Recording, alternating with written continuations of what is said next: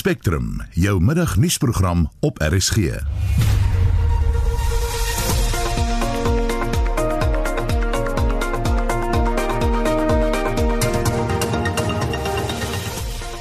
die program die waarnemende minister van gesondheid, Mamalonko Kubai Mgubani sê mense bo 50 kan van Julie af registreer om enstof te ontvang. We will also schedule those vaccination to begin on the 15th of July. I encourage all the citizens to register and get their vaccine. Indien jy nog hoegenaamd vra het oor die inentingsproses, bly ingeskakel want ons wy 'n groot gedeelte van die program aan die jongste bevindinge in die verband. Intussen heers daar kommer oor 'n toename in politieke moorde in die aanloop tot Oktober se plaaslike verkiesings. As jou naam op die lys gaan en jy word 'n plaaslike kanselor, dan is dit 'n werk en jy kry 'n inkomste vir die volgende 5 jaar en mense is bereid om moord te pleeg om daai werk te kry. En die publiek het nog tot die 3de Julie kans om hulle voorstelle in te dien oor die voorgestelde wysigings aan die wet op die beheer van vuurwapens. Die span in die ateljee is Marlenae Forsie, produksieregisseur is Silwester Komani en ek is Susan Paxton. Welkom by die program. Snou 4 minute oor 12 jy luister na Spectrum en soos jy vroeër in die nuus gehoor het sal minstens of sal mense van 50 jaar en ouer van die 1 Julie af kan registreer om inentings teen COVID-19 te ontvang. Mense van die ouderdomsgroep sal vanaf 15 Julie af ingeënt kan word. Intussen gaan die inentings van diegene ouer as 60 voort. Die waarnemende minister van gesondheid Mamalonko Kubain Gubani het vanoggend tydens 'n media-konferensie gesê 'n 10-punt plan word nou geïmplementeer om die derde vlaag infeksies teen te werk. The first area is around governance and leadership. The second area is medical supplies. Third area is port and environmental health. The fourth area, epidemiology and response. The next one, facility and readiness in terms of making sure that the institutions such as your uh, hospitals and all that, they are having beds and all that. Case management, where we're monitoring the numbers and how we're dealing with them. Risk communication and community engagement. This is the part that is important because also, as communities who are listening, your response in this area, because as you are engaged, you can only work and have your response in it. Occupational health and safety, as well, in, in terms of our environment, like environments as well. Infection, prevention and control, and human resources for our health. Each intervention area and action items have been identified specifically for each level of infection. Sy het opnuut klem gelê op die feit dat mense hulle maskers korrek moet dra. But I think what is more important for us is that even when we wear the mask, we must wear the masks full actually all the time in public, but also wearing them correctly. I think most of the people will have their mask in their pockets, but others will actually wear their mask but not wear their mask correctly. So this, as part of what we do monitoring, we want to urge as well South Africans to help us in monitoring each other but alerting each other in terms of the risk that we face. Kubai en Kubani is tevrede met hoe die inentingsveld tog sover vorder. I'm encouraged that we have passed the 2 million mark for the national rollout campaign and that we have now vaccinated a total in almost around 2.5 million as of yesterday, 5 o'clock. The program for the educator, education sector began on Wednesday, and I must congratulate the provinces together with the Department of, of Edu Basic Education, together with Minister Mutsaha for vaccinating nearly around 50,000 a day. For the past two days, at this rate, we will be able to finish the sector by 10, uh, within 10 days as we hoped. Sy sê hulle hoop om onderwysers van kleuterskole ook binnekort in te ent. I do acknowledge that there are educators in the early childhood development sector and also post-school system who felt left out when this program started. And I showed them that work is underway with both the Department of Social Development and Department of Higher Education, Science and Innovation for their rollout plan. The sector oper- this sector operates differently from basic education and it was not practically possible to include them as part of the basic education sector program. Sy sê daar heers steeds kommer oor mense bo die ouderdom van 60 wat nie die enstof wil ontvang nie. Intussen kan mense bo 50 binnekort registreer vir die enstof. I'm pleased also to announce that the IMC on vaccine approved that from the 1st of July 2021 we will open registrations for, for all citizens which are between the ages of 50 years and above and we will also schedule those vaccination to begin on the 15th of July. I encourage all the citizens to register and get their vaccine. If you have a friend, a family member, a neighbor, or a loved one who is at 60 years and above, especially as senior citizens who are battling to get a move around in terms of mobility, please bring them along in terms of your vaccination centers. Kubai en Gubani sê daar's ook nou mediese bewyse wat toon hoe doeltreffend die enstof is. Evidence has emerged that the vaccination reduces transmission. On 23rd June 2021, the New England Journal of Medicines issued a highly anticipated publication showing significant reduction in transmission in households where there were vaccinated household members compared to households where no one was vaccinated. It even showed that the benefit was seen even if the household members only had one out of two vaccines. Die hoof van die ministeriële COVID-19 advieskomitee professor Barry Shoop sê die studie deur die New England Journal of Medicine sê bevindinge oor inentingsveldtogte is baie bemoedigend. They actually did a very interesting study uh, in England. It was uh, piloted by the the Public Health England which is the um, the public health body uh, in the UK. They looked at their registry and they looked at those individuals that had been infected uh, and those individuals that had been vaccinated and they matched the two up and they looked at clusters of households and they kind of matched up where there would be an, a patient who had been vaccinated, the vast majority, over 90%, with only one dose of the vaccine. And they looked at the rate of tr- uh, transmission of the virus from a vaccinated individual who'd been infected to the household contacts. Um, uh, it, you know, when we go, and, and generally the, the household transmission rate is anything between about 16 to 18 percent. Obviously, there are wide intervals, anything from about 4 to 40 percent, but generally between 16 and 18 percent. What they found in this study is that the likelihood of transmission from a vaccinated person that had to be that had been infected to trans to to the contacts inside the house was reduced by about 40 to 50 percent. Now, that's that's actually quite significant and it's good and it's encouraging news. Because really if you look at what vaccine or vaccination hopes to achieve it really looks at two things. It wants to achieve personal protection clearly and uh, there's a lot of data to kind of support that.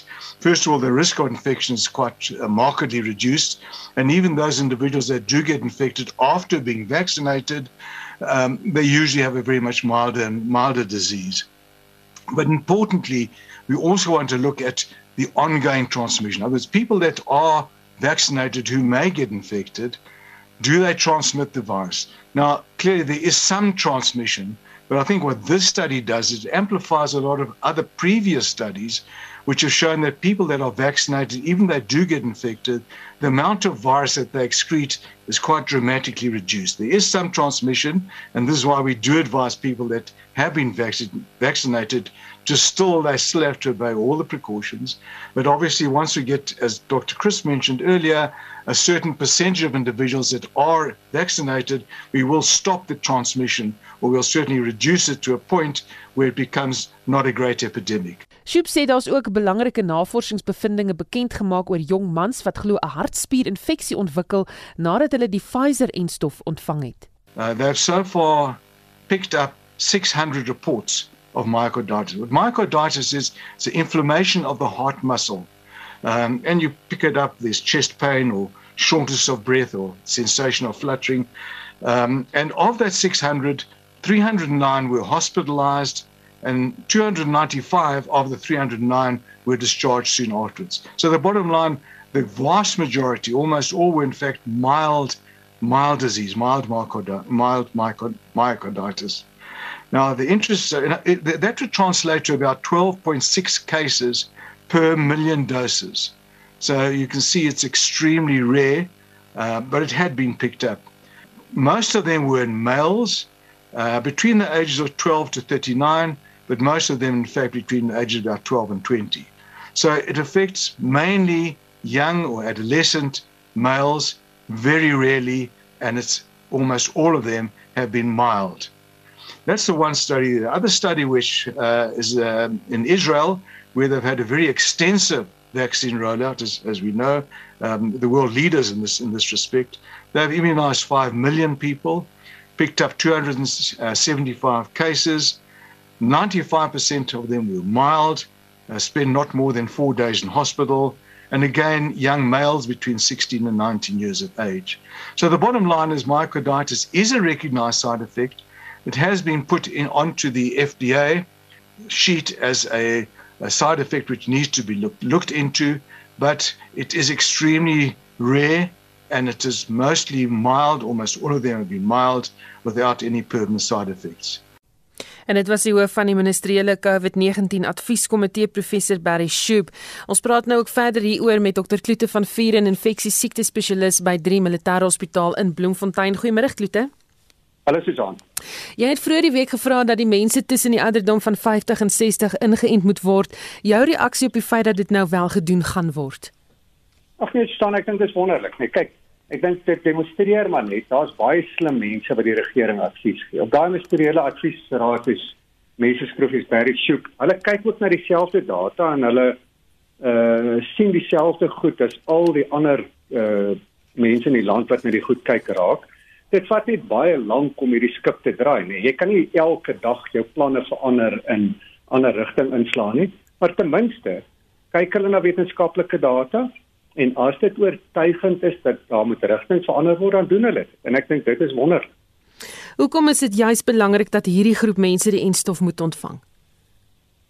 Kyk, die die risiko, daar's nie afsny ouderdom waar dit skielik ophou of begin nie.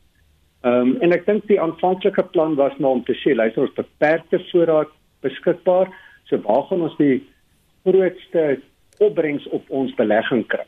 En dit was nou gesê tussen 60 en 80. Maar uh enstof op die rak help absoluut niemand. Ehm um, so as daar genoeg enstof beskikbaar is en ons weet dat die mense tussen 50 en 60 het op die stadium omtrent dieselfde sterfte koers en uh, risiko vir ernstige siekte as die tussen 60 en 70, ehm um, dan moet ons dit afdruk. Ehm um, en hierdie oordrag en druk op die hospitale alles word daardeur aangespreek. En soos jy my gevoel is as die enstof in die land inkom met dit gespuit word, dit moet nie 'n dag op 'n rak spandeer nie. Dit beteken vir niemand enigiets nie. Hmm. Ons soek nou navorsing wat bekend gemaak is oor die doeltreffendheid van die enstof. Iets wat die minister genoem het is dat dit die verspreiding van die virus keer. Hoe werk dit? Wel, ek dink professor Fraser Stupid ook net daarvan gepraat maar um, daar's 'n baie mooi studie in Engeland gedoen waar hulle ook toe hulle begin het deur net gesondheidswerkers in te hê. En onthou nou al die gesondheidswerkers wil nie ingeënt word nie. So party weier dit en toe gaan kyk na die mense in die huishoudings van hierdie gesondheidswerkers en die afname in risiko vir mense in 'n huishouding waar 'n gesondheidswerker is wat ingeënt is was 50% minder as in 'n huishouding waar daar nie 'n gesondheidswerker ingeënt is nie. En al wat dit gebeur is moes dis moes my hierdie ketting, nê, nee, die een gee dit vir die ander een aan gee vir die volgende een aan. Nou skielik breek jy daai ketting.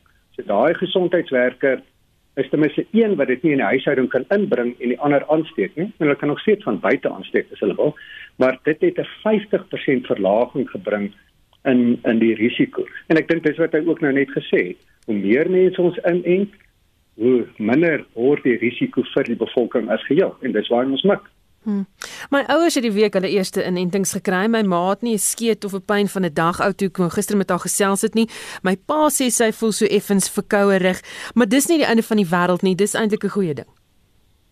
Jy weet, dis uh, een van die dokters wat by my werk, Leonay Barnard, en sy daai dag na sy die um, Johnson & Johnson instof gekry het, sy die oggend by die werk opgedaag en sê sy daai 3:00 die oggend word sy met hierdie koue koors wakker.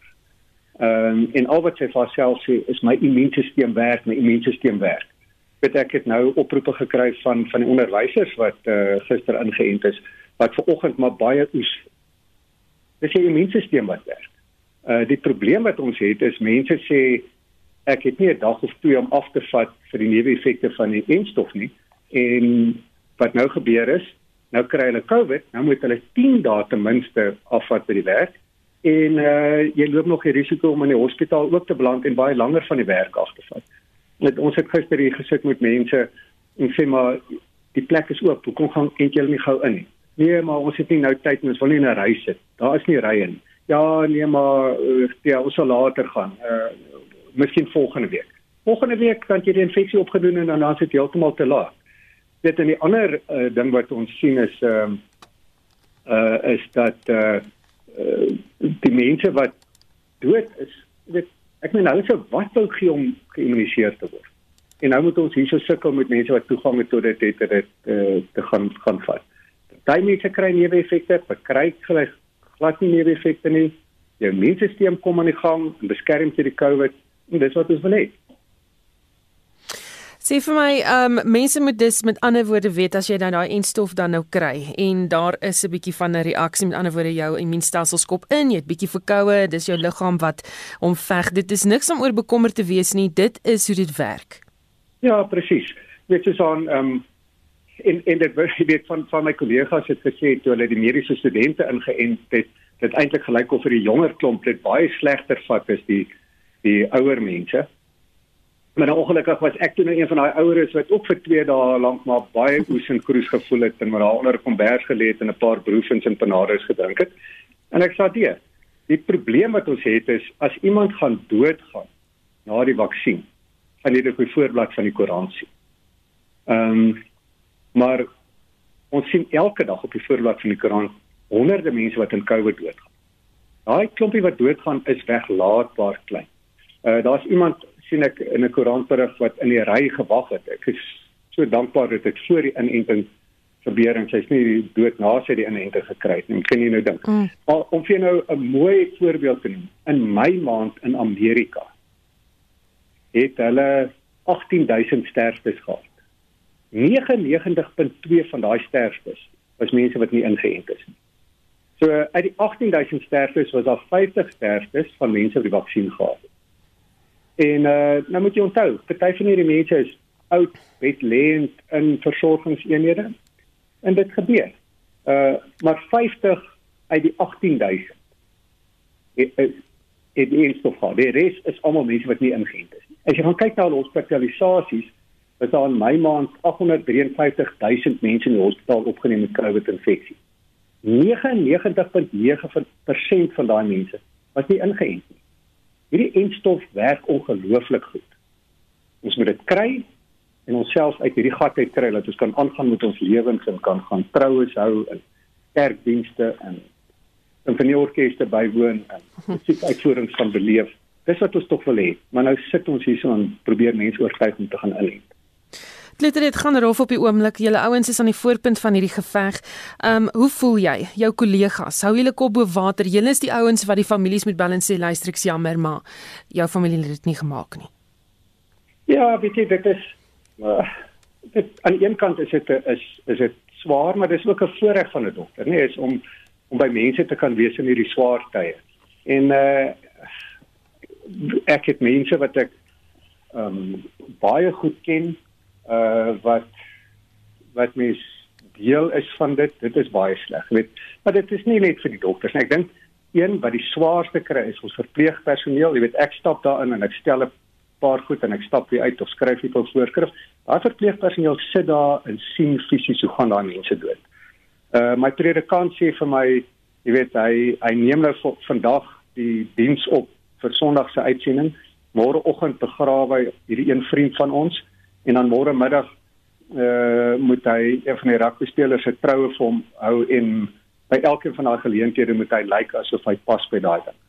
Met dit dit die swaar en die en die emosionele druk uh gaan in die hele gemeenskap. Kan dit wegkry deur almal net wil gaan in.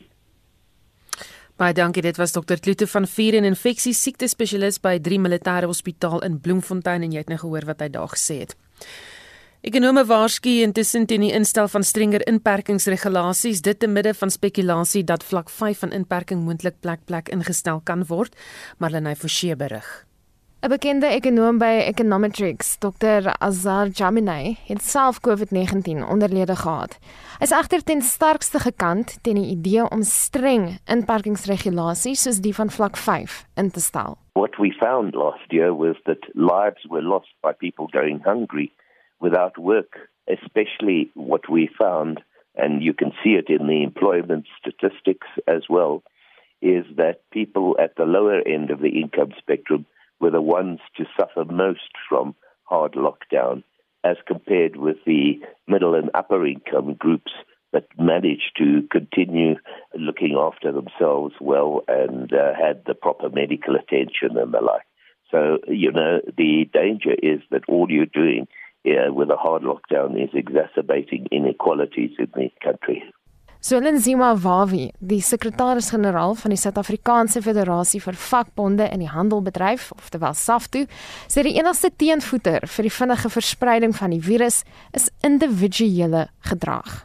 Our people are hearing and reading and seeing and watching their own family members dying like flies but they won't change their attitude. Our people continue not to sanitize, not to wear masks, not to social distance. Our people continue to go to mass gatherings, in particular social gatherings, without wearing any kind of mask or ensuring that there is a social distance. The virus can only be defeated by us, the ordinary people of our country. In Gauteng het premier David Makura gister voorgestel dat 'n kombinasie van vlak 3 en 4 inperkings ingestel word. Die provinsie sê verder uit nog nie die kruin van sy derde vlaag infeksies bereik nie. Maar die provinsie is ook gekant teen vlak 5 van inperking.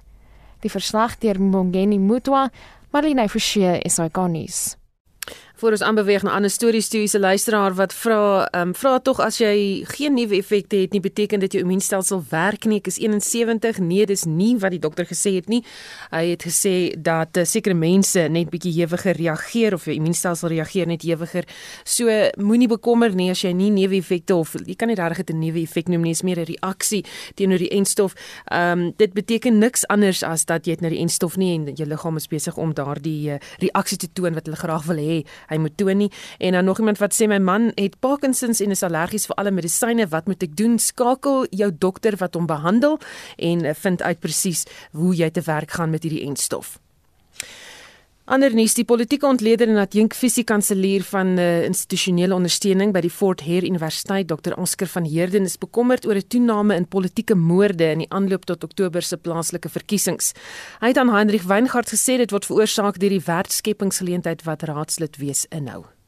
Soos jy self weet, verlede week was daar ANC vergadering om seker te maak dat hulle ooreenkom uh, in terme van name vir die lys vir die plaaslike verkiesing en uh, die lede van die ANC het mekaar aangerand. Daar was 'n bakleierery en later geskietery. Wapens was uitgehaal en uh, jy weet uh, motors was vernietig en twee mense was in 'n hospitaal een het ongelukkig ernstige wonde opgedoen en dis net een voorbeeld van talle en ons sien net hierdie plaaslike verkiesing nie ons weet tog van baie politieke moorde in ons provinsies, veral as dit kom by verkiesingstyd. Wat gee aanleiding tot hierdie aanvalle? Wel, soos ek sê in my artikel, jy weet een element, dit is die enigste element, maar een element is definitief die hoë werklose syfers in ons land. Almal wil graag werk hê en ongelukkig is dit nou net so dat as jou naam op die lys gaan en jy word 'n plaaslike kanselor, dan is dit 'n werk en jy kry 'n inkomste vir die volgende 5 jaar en mense is bereid om moord te pleeg om daai werk te kry. Waarom skryf jy die owerhede se onvermoë toe om 'n einde te bring aan hierdie aanvalle wat reeds vir so lank aankom? Wel, dis 'n baie goeie vraag. Jy weet, dis dis totaal onaanvaarbaar. Die rede hoekom ek dink die polisie en die politieke partye dit nie ernstig opneem nie is omdat hulle uh, te vol stres benadering tot die probleem hulle dink as hulle hulle koppe in die sand steek dan dan gaan hierdie probleem weg en dis ongelukkig in hierdie geval nie. Tot hoe mate dra die binnengevegte of faksiegevegte in die ANC by tot wat ons hier sien gebeur? Ek dink dit is 'n element, 'n groot element, maar ek dink tog, jy weet daar moet wetgewing wees wat hierdie ding kan hokslaan. Ek dink eh, parlement moet bietjie dink in terme van verkiesingswette en hoe ons dit gaan verander om seker te maak dat as daar inderdaad moord of 'n politieke moorde uh, plaasvind, dan uh, moet mense nie kan deelneem aan die aan die demokratiese projek nie. Wat ek daarmee bedoel is dat is uh, uh, as as daar geval is waar ons weet 'n sekere lid van die ANC is betrokke of was betrokke of het 'n bende groep mense gestuur om 'n ander lid uh, dood te maak om homself te bevorder dan moet daai persoon moet dan gesê word ongelukkig gegee hierdie omstandighede gaan jy nie op die lys kan wees nie. Jy moet een kant toe staan tot en met hierdie geval uitgesorteer is en ondersoek word deur die polisie en so voort. Want dit gaan dan beteken dat as mense dink dat om moord te pleeg dat hy homself kan bevorder, dan ongelukkig gaan dit nie kan gebeur nie, want daar moet wetgewing wees in die land wat sê nee. En dit was die politieke ontleder Dr Oscar van Heerden van die Fort Hare Universiteit en hy het met Hendrik Weingart gepraat. Nuus van 'n ander aard, die dier wat verlede week uit sy hok ontsnap het en 'n werknemer van die Seaview Roofdierpark in Quebec doodgemaak het, is saam met 'n wyfie na die rehabilitasiefasiliteit van Volpos in die Vrystaat na dis nou Lions Rock geskuif. Volpos se woordvoerder, Ivan Nieuwenhuizen sê die Roofdierpark het aanvanklik 'n ander organisasie om hulp genader. Vroeger die week het die Seaview Predator Park die Aspinall Foundation gekontak om 'n nuwe tuiste vir Tier Jasper te soek want hulle kon nie meer sy veiligheid verseker het nie. Die Aspinall Foundation het ons by Volpos genader vir 'n veilige hawe in ons toevlugsoord Lions Rock Cat Sanctuary in die Vrystaat. Die besluit is toe geneem dat dit sal beter wees vir Jasper as Suster Jade ook oorhandig word um, want hulle het saam groot geword en gebly. Die twee organisasies het saamgewerk aan die reddings operasie en die lang pad van ongeveer 1000 km afgelê om die twee diere by hulle nuwe huis te kry. Ons is bly om te rapporteer dat Jasper en Jade pas reeds goed aan by hulle nuwe omgewing en ons sien uit om die nuwe hoofstuk van hulle lewe met julle almal te deel. En dit was die woordvoerder van Volpos Yvonne Nieuwenhuizen.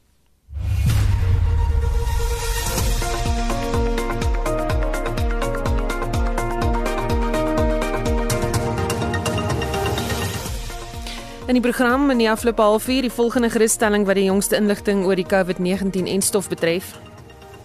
In Mei maand in Amerika het hulle 18000 sterftes gehad. 99.2 van daai sterftes was mense wat nie ingeënt is nie. So uit die 18000 sterftes was daar 50 sterftes van mense wat die vaksin gehad het. Later in die program die publiek het nog tot die 3de Julie om hulle voorstelle in te dien oor die voorgestelde wysigings aan die wet op die beheer van vuurwapens. Ons praat binnekort met die SA Jagtersvereniging daaroor. Intussen neem 'n gebrek aan vertroue in die polisie se vermoëns toe. Ons hoor weer eens dat die stasie onbeman gelaat is en in daardie tyd is daar weer 'n klomp staatsvuurwapens gesteel en dit in die tyd terwyl 'n minister soos minister Bekkie Cele sê dat wetsgehoorsame landsburgers en wapeneienaars eintlik ontwapen moet word. En die nagenoeg 30000 inwoners van Nigel in die Oosrand sal hopelik vanmiddag weer krag hê. Bly ingeskakel. Die publiek het nog tot die 3de Julie om hulle voorstelle in te dien oor die voorgestelde wysigings aan die wet op beheer van vuurwapens. Die SA Jagters en Bewaringsorganisasie sê hierdie voorgestelde wysigings gaan 'n veel groter impak hê as net op mense se reg om homself te beskerm. Ons praat met Fred Kamfer, voorsitter van die SA Jagters en Bewaringsorganisasie. Goeiemôre Fred. Middag Susan en alle luisteraars. Ek moet daarom sê ek is die hoofuitvoerende beampte. Ek is nie Ach, voorsitter nie. Ag, ekskuus. Nee, laat dit wees. Dis so ja.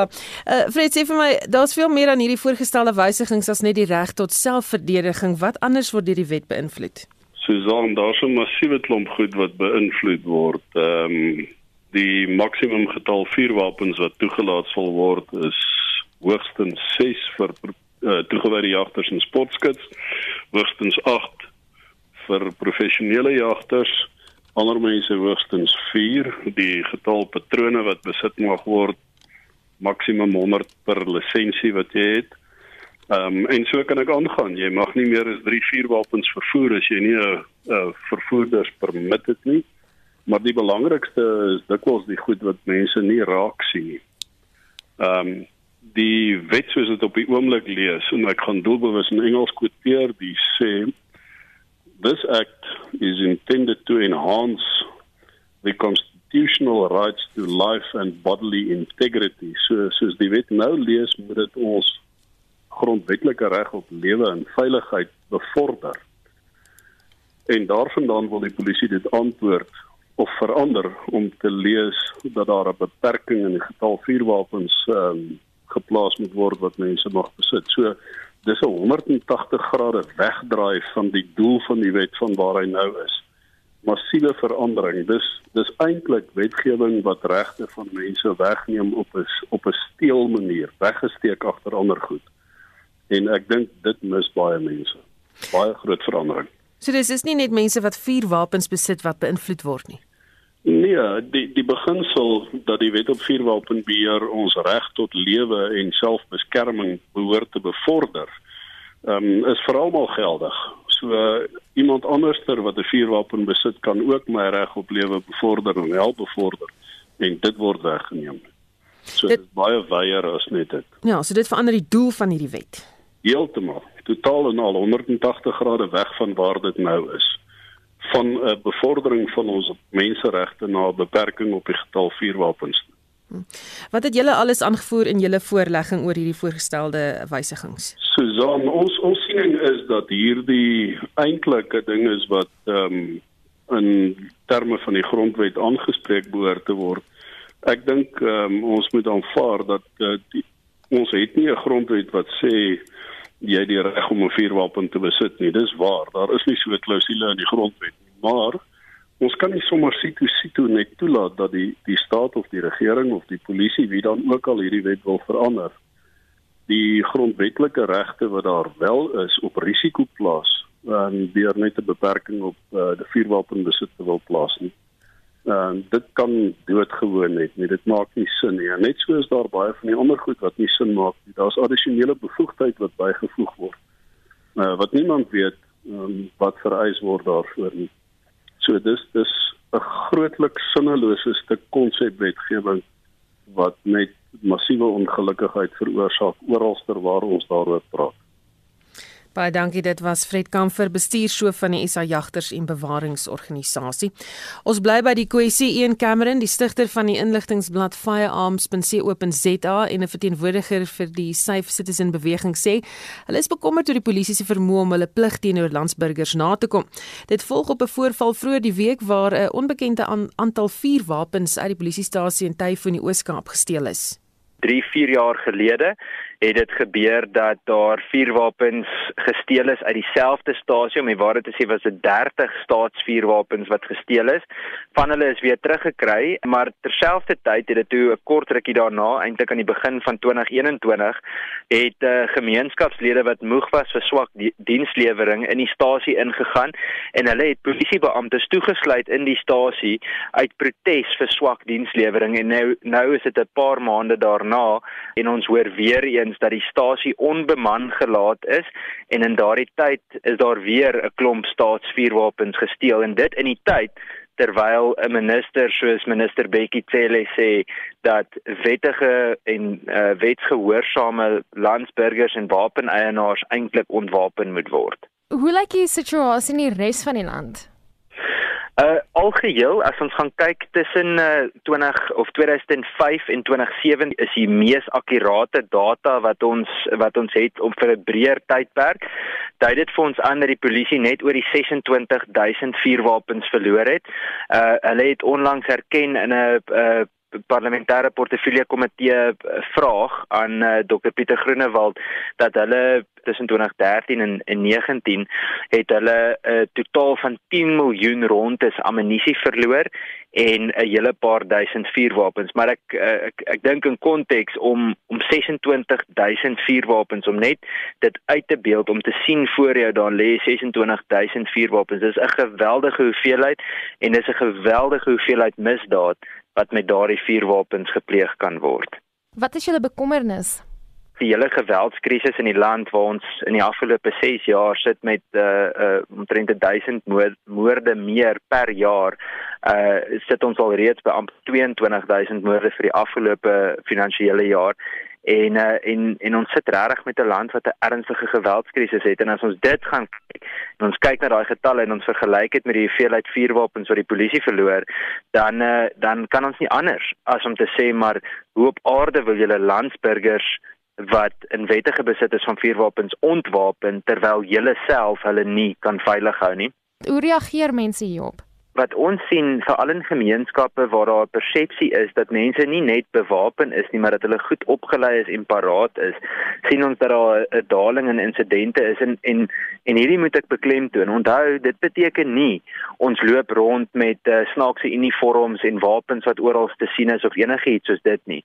Maar onderlangs weet ons 'n gemeenskap wat uh eerstens eerstens uh, met wederwysige erkenning en respek aan almal rondom hulle optree wat opgelei is binne die raamwerk van die wet wat glo in reg en geregtigheid kan 'n baie baie sterk boodskap vir misdadigers stuur om uit hulle area uit te te bly. Ehm um, so so ons sê nie hierso moet 'n uh, met een of ander uh, kom, kom ons noem dit vir vandag 'n derde mag wees wat intree nie glad nie. Ons sê eenvoudig dat iemand wat opgelei is binne die wet bewapen is, het 'n groter kans om te oorleef indien daar 'n misdryf sou wees as wat iemand sou gehad het wat niks het nie en aangewese is op die staat. En dit was een kamer in die stigter van die inligtingblad firearms.co.za en 'n verteenwoordiger vir die Safe Citizen beweging en hy het met Marlenae Forsie gepraat. Die verdere uitstel van die of wat die Sonderkommissie van ondersoek na staatskaping versoek het om sy werk te kan afhandel sal uiteindelik help dat 'n meer volledige verslag deur die kommissie saamgestel kan word. Dis die mening van die politieke ontleder professor Dirk Coetzee. Hy het aan Hendrik Weingart gesê die kommissie vertolk as te ware die rol van 'n waarheids- en versoeningskommissie oor korrupsie. Ek dink die rede vir die vraag of die versoek vir verlenging is 'n uh, is wel hoogs waarskynlik daarop dat hoe verder die kommissie aangaan hoe meer begin hulle nuwe getuienis ontdek en soos ons nou sien met die ondersoek van Malusi Gigaba is dat daar net dieper ingegaan word in die spesifieke aspekte daarvan. Dit wys hoe omvangryk staatskaping eintlik is, maar ek dink uh, gegee die feit dat die kommissie verskeie vir verlengings van sy termyn gekry het, gaan hulle op een of ander stadium baie binnekort um, 'n streep daaronder moet trek want die meeste mense insluitend president Ramaphosa uh, verwag dat hierdie verslag so vinnig as moontlik moet kom sodat uh, optrede op grond daarvan kan begin plaasvind. So dit dink dit is waarskynlik een van die laaste kere dat hulle 'n verlenging van hul termyn sal kry. Hoe oortuig jy Suid-Afrikaners dat ten spyte van al hierdie versoeke vir uitstel dat die kommissie steeds 'n behoorlike ondersoek sal doen met 'n behoorlike verslag agterna? Wel ek dink die meeste van hulle moet kyk na wat plaasvind wat ons sien op televisie. Die wyse waarop uh, veral die voorsitter regter Zondo regtig in diepte soms in die die ondersoeke ingaan en die getuienis ondersoek. Ek dink dit is uiteindelik vir ons almal belangrik. Ek beskou dit as 'n waarheidskommissie oor korrupsie in Suid-Afrika. En die belang daarvan dink ek word deur die volgende vraag beantwoord en dit is wat sou waar sou ons vandag gestaan het as daar nie 'n Zondo-kommissie was nie? Hoeveel sou ons geweet het oor staatskaping en oor korrupsie in die algemeen? En tot watter mate dra dit by tot die versterking van ons beskouing van die staat en van die rol wat die staat moet speel in van ons demokrasie in die algemeen en die grondwet? So ek dink dis uit daardie oogpunt hoogs belangrik ongeag hoeveel mense uiteindelik gearresteer gaan word en vervolg gaan word. En dit was professor Dirk Coetzee, 'n politieke ontleder van Unisa wat in gesprek was met Heinrich Weingart en gepraat van Heinrich. Getuienis oor die wyse waarop die sogenaamde Gupta geld gevloei het, word tans voor die Sonderkommissie na staatskaping voortgesit. Die getuienis word uit Londen gelewer deur Paul Holden, hoof van ondersoeke by die maatskappy Shadow World Investigations en Heinrich hou dit vir ons dop. Susan so Holden sê self dat die netwerk van Gupta maatskappye en transaksies baie gekompliseerd is. Vroeger die week het hy onder meer getuig hoe dat dieselfde geld was netwerk deur die broers gebruik is wat deur terroriste bewegings soos Al-Qaeda gebruik word om geld te verduister. Frontmaatskappye is glo ook gebruik om oud-president Jacob Zuma se regskoste aan die nou ontslape advokaat Kemp J Kemp te betaal. Hier verduidelik Holden hoe geld vir Eskom teruggekry kan word as die batebeslag batebeslagleggingseenheid op Optimum Steenkoolmyn oftewel OCM kan toeslaan. The disposition of that asset is being uh, fought through the courts and through business rescue. Um, what I will show is that the Centaur component of uh, that asset, and Centaur is now laying a claim of a significant amount of money against that asset, actually derives from criminal funds. On which basis, and that, that application, I should add, is, is frustrating attempts by ESCOM um, to recover its own losses in relation to, to Optimum. I believe that the evidence that I'll be showing now would give grounds for the asset forfeiture unit to consider proceeding with the, an asset seizure in relation to this. and that may allow this asset to be uh, returned to ESCOM either to settle its loans or, or, or be returned to the state. Uh, it would effectively mean that the, the last asset that the Gupta enterprise is trying desperately to remove from South Africa uh, would be rightfully returned to the government. Optimum stands die Gupta se grootste oorblywende bate in Suid-Afrika, aldus Holden se getuienis. In 'n ietwat lighartige oomblik het hy en die getuienisleier advokaat Matthew Cheskelson saam die berekening probeer maak van die randwaarde van 'n eis van 74,5 miljoen dollar wat die maatskappy in die gesig staar. On 19 February 2018, OCM, that's Optimum Coal Mines, became distressed and entered into a process of business rescue. CVL, which is Central Ventures Limited, had previously entered into coal trading contracts with Optimum Coal Mines, OCM, and was owed approximately 74.5 million by OCM. That's $74.5 million, which is the claim that Centaur is asserting against Optimum Coal. What does that translate into into rands? Putting me on the spot here slightly, uh, it would be uh, equal at the current exchange rate to approximately 140, 1.4 billion. Uh, I, I, think you may be overstating it, but it's certainly it's certainly more than a billion. We, we'll get today's exchange rate and work out what 74.5 million is. But but we're talking about a very very substantial claim. To your knowledge, is there any other Gupta enterprise asset approximating this claim remaining in the country? No, no chair. Holden se getuienis is by tye onderbreek weens tegniese probleme met die kommissie se internetstelsel. Die voorsitter, adjunk hoofregter Raymond Zondo het versoek dat aandag daaraan geskenk moet word sodat die transkripsie van die verrigtinge duidelik is wanneer hy sy verslag moet afhandel. Baie dankie dit aan Hendrik wat vandag vir ons die Zondo kommissie se verrigtinge dopgehou het.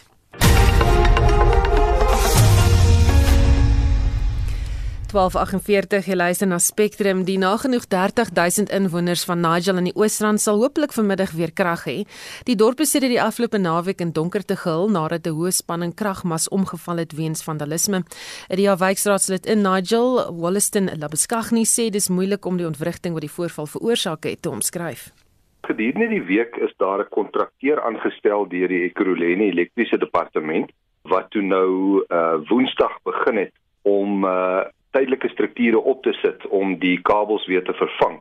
So alle aanduidings is dat uh, as die werk nou goed verloop, dat uh, dit is nou Vrydag vandag dat ons uh, vanmiddag hopelik in die namiddag weer uh, die elektrisiteit herstel sal hê. Dalk net weer wat het gebeur? Uh, ja, kyk, uh, Sondagmiddag uh, het die krag in Nigel afgegaan en uh, na verdere ondersoeke is daar gevind dat uh, vandale en kriminele van die boute en die moere onder uh, aan die onderste gedeelte van die kragmas verwyder het. Hulle verkoop dit natuurlik vir skrootmetaal uh, of aan die skrootmetaalhandelaars. So die hele mas, uh, dit is 'n redelike groot mas. Dit is nie Eskom se nie, dit is die Ekurhuleniese netwerk, deel van die Ekurhuleni netwerkstruktuur. Uh, hy het nou omgeval wat natuurlik die kragonderbreking veroorsaak het. Ja kyk, dit het definitief 'n uh, massiewe impak gehad op die inwoners van Nigel. Uh soos ek al voorheen genoem het, uh, jy weet daar's daar's tans uh, ongeveer 30000 inwoners in Nigel, so dit dit uh al die inwoners, huishoudings, die klinieke, daar's twee klinieke, ouer huise, dit het 'n groot negatiewe impak op ons gehad. En dit was 'n DA wijkraadslid in Nigel Wollaston Labeskagni. Die sogenaamde smart mini grid wat kleinskaalse elektrisiteitsopwekking insluit, maak dit moontlik vir mense in afgeleë gebiede om krag te hê. Die maatskappy Pecco Power beperk van die Wits Universiteit is in 2019 geskep om die netwerk te ontwikkel en krag te versprei. Professor Willie Kronesi, hoof van die navorsingsgroep vir toekomstige elektriese ingenieurstegnologie by die skool vir elektriese en inligtingingenieurswese, dis nou aan die Universiteit van die Witwatersrand. Hy sê die idee het reeds in 2010 ontstaan omtrent teen 2010 en daarna het ek bewus geword van die groot probleem in Afrika en groot dele van Suid-Afrika met gebrekkige infrastruktuur en geen toegang tot elektrisiteit. Dit ons begin dink maar wat kan ons doen? En ons het toe 'n idee gehad wat ons eers in die laboratorium getoets het en toe al hoe meer verfyn het. Ja, die res is nou geskiedenis. Ons het hom toe uiteindelik heel goed reg gekry ons het dankbaar tog ook befondsing gekry van die staat af die uh, tegnologiese innovasie agentskap ons 'n grant gegee. So daarmee kon ons toe regtig nou begin die goed industrialiseer en dit is regtig die wegspringpunt gewees. Dit ons kon behoorlik industrialiseer aan die goed. Dit is nie net 'n speelding in die laboratorium nie. Kon ons nou begoed op dreef kom en toe het ons dit nou begin toets in die veld en ons het gepatenteer ook danksy die grant wat geld daarvoor bevat het ook. En toe het ons uh, beleggers gekry wat belangstel om betrokke te wees. Op die einde het ons in 2019 nou 'n uh, 'n maatskappy afgespin, Pico Power, en wat nou die produk kommersieel beskikbaar stel. Wat is die probleme met die kommersialisering van so 'n produk of idee? Jy het altyd te min geld. Dit is nou maar net so. Want ons praat van elektronika met uh baie komponente wat heel wat geld kos en 'n mens kan nie dadelik regverdig om tiene van duisende van die komponente te koop nie want dis waar jou prys uh, eers begin uh kompeterend raak. So jou aanvanklike uitdaging is altyd om te kyk of jy oor hierdie gaping kan kom met klein hoeveelhede tog 'n bekostigbare produk. En ek is baie tevrede. Ek dink wat ons tans nou beskikbaar stel is baie naby aan uh, die prys wat ons voorgemik het. En ons glo vas ons gaan dit nog kan verbeter in die, in die tyd wat voorlê. Dit beteken nog goedkoper maak. Ja. Hoe, hoe lyk die Pepco Light 50 en die Pepco Light 80? So die 50 het 'n klein 50 watt sonpaneel en die 80 het 'n 80 watt sonpaneel. Albei van hulle het 'n 24 ampere lood battery. Professor, nou hoe werk dit? Ons het hard probeer om dit so eenvoudig as moontlik te maak. Die term is plug and play. Ou hoef nie 'n kundige elektriesien te wees om dit te gebruik nie. Hy kan die verpakking oopmaak, die goed uithaal, hulle aan mekaar koppel. Hy kan nie foute maak deur die verkeerde ding op die verkeerde plek in te druk nie. En dan skakel hy aan en dan werk dit. Skerm homself ook teen kortsluitings internet gebruik dit steeds die hoofraamwerk van Eskom of kan dit die hoofraamwerk van Eskom gebruik? Nee, kyk, die oorspronklike filosofie hier is dit is juist bedoel vir ouens in die landelike gebiede wat nie infrastruktuur het wat hulle bedien. Oh. Dit waarskynlik nooit 'n infrastruktuur van die die geen transmissielyne gaan tot daar lekker kom nie. So ons het eintlik van daar af begin met die idee en 'n tegnologie ontwikkel wat daar sal werk. So julle mark is die lae inkomste mark. Ja. Sou dit kon gebruik word om beerdkrag te verlig?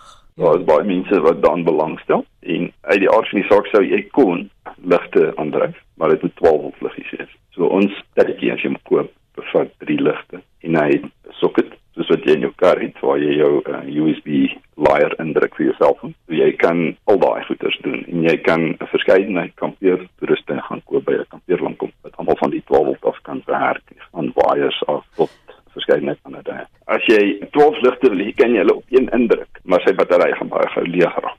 Dit is nou soos hulle sê jou mileage will vary. As jy hom nou te agterstief gebruik, gaan hy nie lank hou nie. Maar ons argitektuur waarna ons redelik hard gewerk het en wat eintlik die patent is, maak dit moontlik dat jy later vir jou nog 'n battery kan bysit of nog 'n sonpaneel. En jy kan jou stelsel groei oor tyd. Daar is nie regtig 'n kompeterende produk nie, dieselfde tipe funksionaliteit op die mark op die oomblik nie. So ons glo dit is manier vir ou in die in die diep sticks om om net aan die hang te kom en dan elke jaar as hy weer geld het dan kan battery koop of nog 'n sonpaneel en so kan hy uiteindelik sy hele huis van elektrisiteit voorsien. Dis 12 volt, dis veilig, dit kan nie beskik word as jy dan vat nie. Wanneer is dit beskikbaar? Dit is nou beskikbaar. Ons eerste produksieloopie is nou uh, beskikbaar. En dit was professor Willie Kronie, hy is die hoof van die toekomstige elektriese ingenieurstegnologie navorsingsgroep by die skool van elektriese en inligtingingenieurswese by die Universiteit van die Witwatersrand en hy het met Mitsi van der Merwe gepraat. Die sake nuus word aangebied deur Kobus Heisamin van Sanlam Private Welvaart in George. Goeiemôre Kobus. 'n Goeiemôre Susan. Wêreldmarkte het vanoggend positief gereageer op die uitslag van die Amerikaanse Federale Bank se jaarlikse stresstoets waarin hulle bekend gemaak het dat die Amerikaanse finansiële instellings 'n potensiële resessie kan weerstaan. Die infrastruktuurinisiatiewe wat gisteraand deur Amerikaanse politici ooreengekom het, het ook aanvanklik markte vanoggend aangepoor, maar sedertdien het meeste markte begin terugsak. Die JSE is vandag 0,13% laer met die algemene indeks staan 66170 met banke wat die voortou neem. In Europa is die FTSE 100 0,1% hoër en die DAX in Frankfurt 0,1% laer. Heidiglik verhandel die termynmarkte in Amerika hoër met beleggers wat verbruikersspanderingssyfers later vanmiddag fyn gaan dop. Die omset vir die dag staan op 5.5 miljard rand. Kyk ons na die SIP-indekse, die finansiële indeks is 0,27% hoër, die nywerheidsindeks is 0,72% laer en die hulpbronne indeks is 0,29% hoër. In maatskappynuus het Tongaat in 'n marknota genoem dat hulle in 'n gevorderde stadium is om hulle skuldlas te herstruktureer. Die gevolg is dat die maatskappy hulle finansiële resultate eers teen 13 Julie gaan publiseer en nie meer teen 30 Junie nie. Nie teenstaande verhandel die aandeleprys 4,19% hoër teen R7.70. 'n Sterker rand kelder meeste randverskansers met Richmond wat 1,08% laer verhandel teen R175.45. Die rand is tans R14.11 teenoor die Amerikaanse dollar, R16.84 teenoor die euro en R19.61 teenoor die Britse pond. Eindig ons met die hulpbronne goud verhandel teen 1782 per fyn ons, uh, platinum teen 1102 dollar per fyn ons en Brent ruolie teen 75 dollar en 27 sent per vatjie. daarmee dan vandag se sake nuus. Baie dankie, dit was Kobus Huisamen van Sanlam Private Welvaart in George. Heinrich, jy het vir ons 'n opsomming van die dag se hoofstories. Susan, ja, jy het gepraat met dokter Kloete van Vieren, 'n infeksie siekte spesialis by 3 Mil Hospitaal in Bloemfontein. Hy verwelkom die nuus dat mense tussen die ouderdom van 50 en 60 ook vanaf volgende maand ingeënt gaan word. Daar's baie slim mense wat die regering advies gee. Op daai ministeriële adviesraad is mense skroefies Barry Shook. Hulle kyk ook na dieselfde data en hulle sien dieselfde goed as al die ander mense in die land wat na die goed kyk raak. Dit vat net baie lank om hierdie skip te draai, nee. Jy kan nie elke dag jou planne verander in 'n ander rigting inslaan nie, maar ten minste kyk hulle na wetenskaplike data en as dit oortuigend is dat daar moet rigting verander word, dan doen hulle dit. En ek dink dit is wonderlik. Hy sê mense wat ingeënt word, gaan tot 'n mindere of meerdere mate neeweffekte ervaar, maar hy sê dis 'n kwessie van lewe. Dis hy sê dis 'n kwessie van lewe of dood. In Mei maand in Amerika het hulle 18000 sterftes gehad. 99.2 van daai sterftes was mense wat nie ingeënt is nie. So uit die 18000 sterftes was daar 50 sterftes van mense wat die vaksin gehad het. As jy gaan kyk na hospitalisasies, is daar in Mei maand 853000 mense in die hospitaal opgeneem met COVID-infeksie. 99.9% van daai mense was nie ingeënt nie. Hierdie enstof werk ongelooflik goed. Daar aan die stem van Dr. Kloete van Vierende Infeksie Siekte Spesialis by 3 Mil Hospitaal in Bloemfontein. En dan laastens, die publiek het nog tot die 3de Julie om hulle voorstelle in te dien oor die voorgestelde wysigings aan die wet op die beheer van vuurwapens. Stem nou van Heinrich Weingart. daarmee groet die Spectrum span. My naam is Susan Paxton. Geniet jou naweek.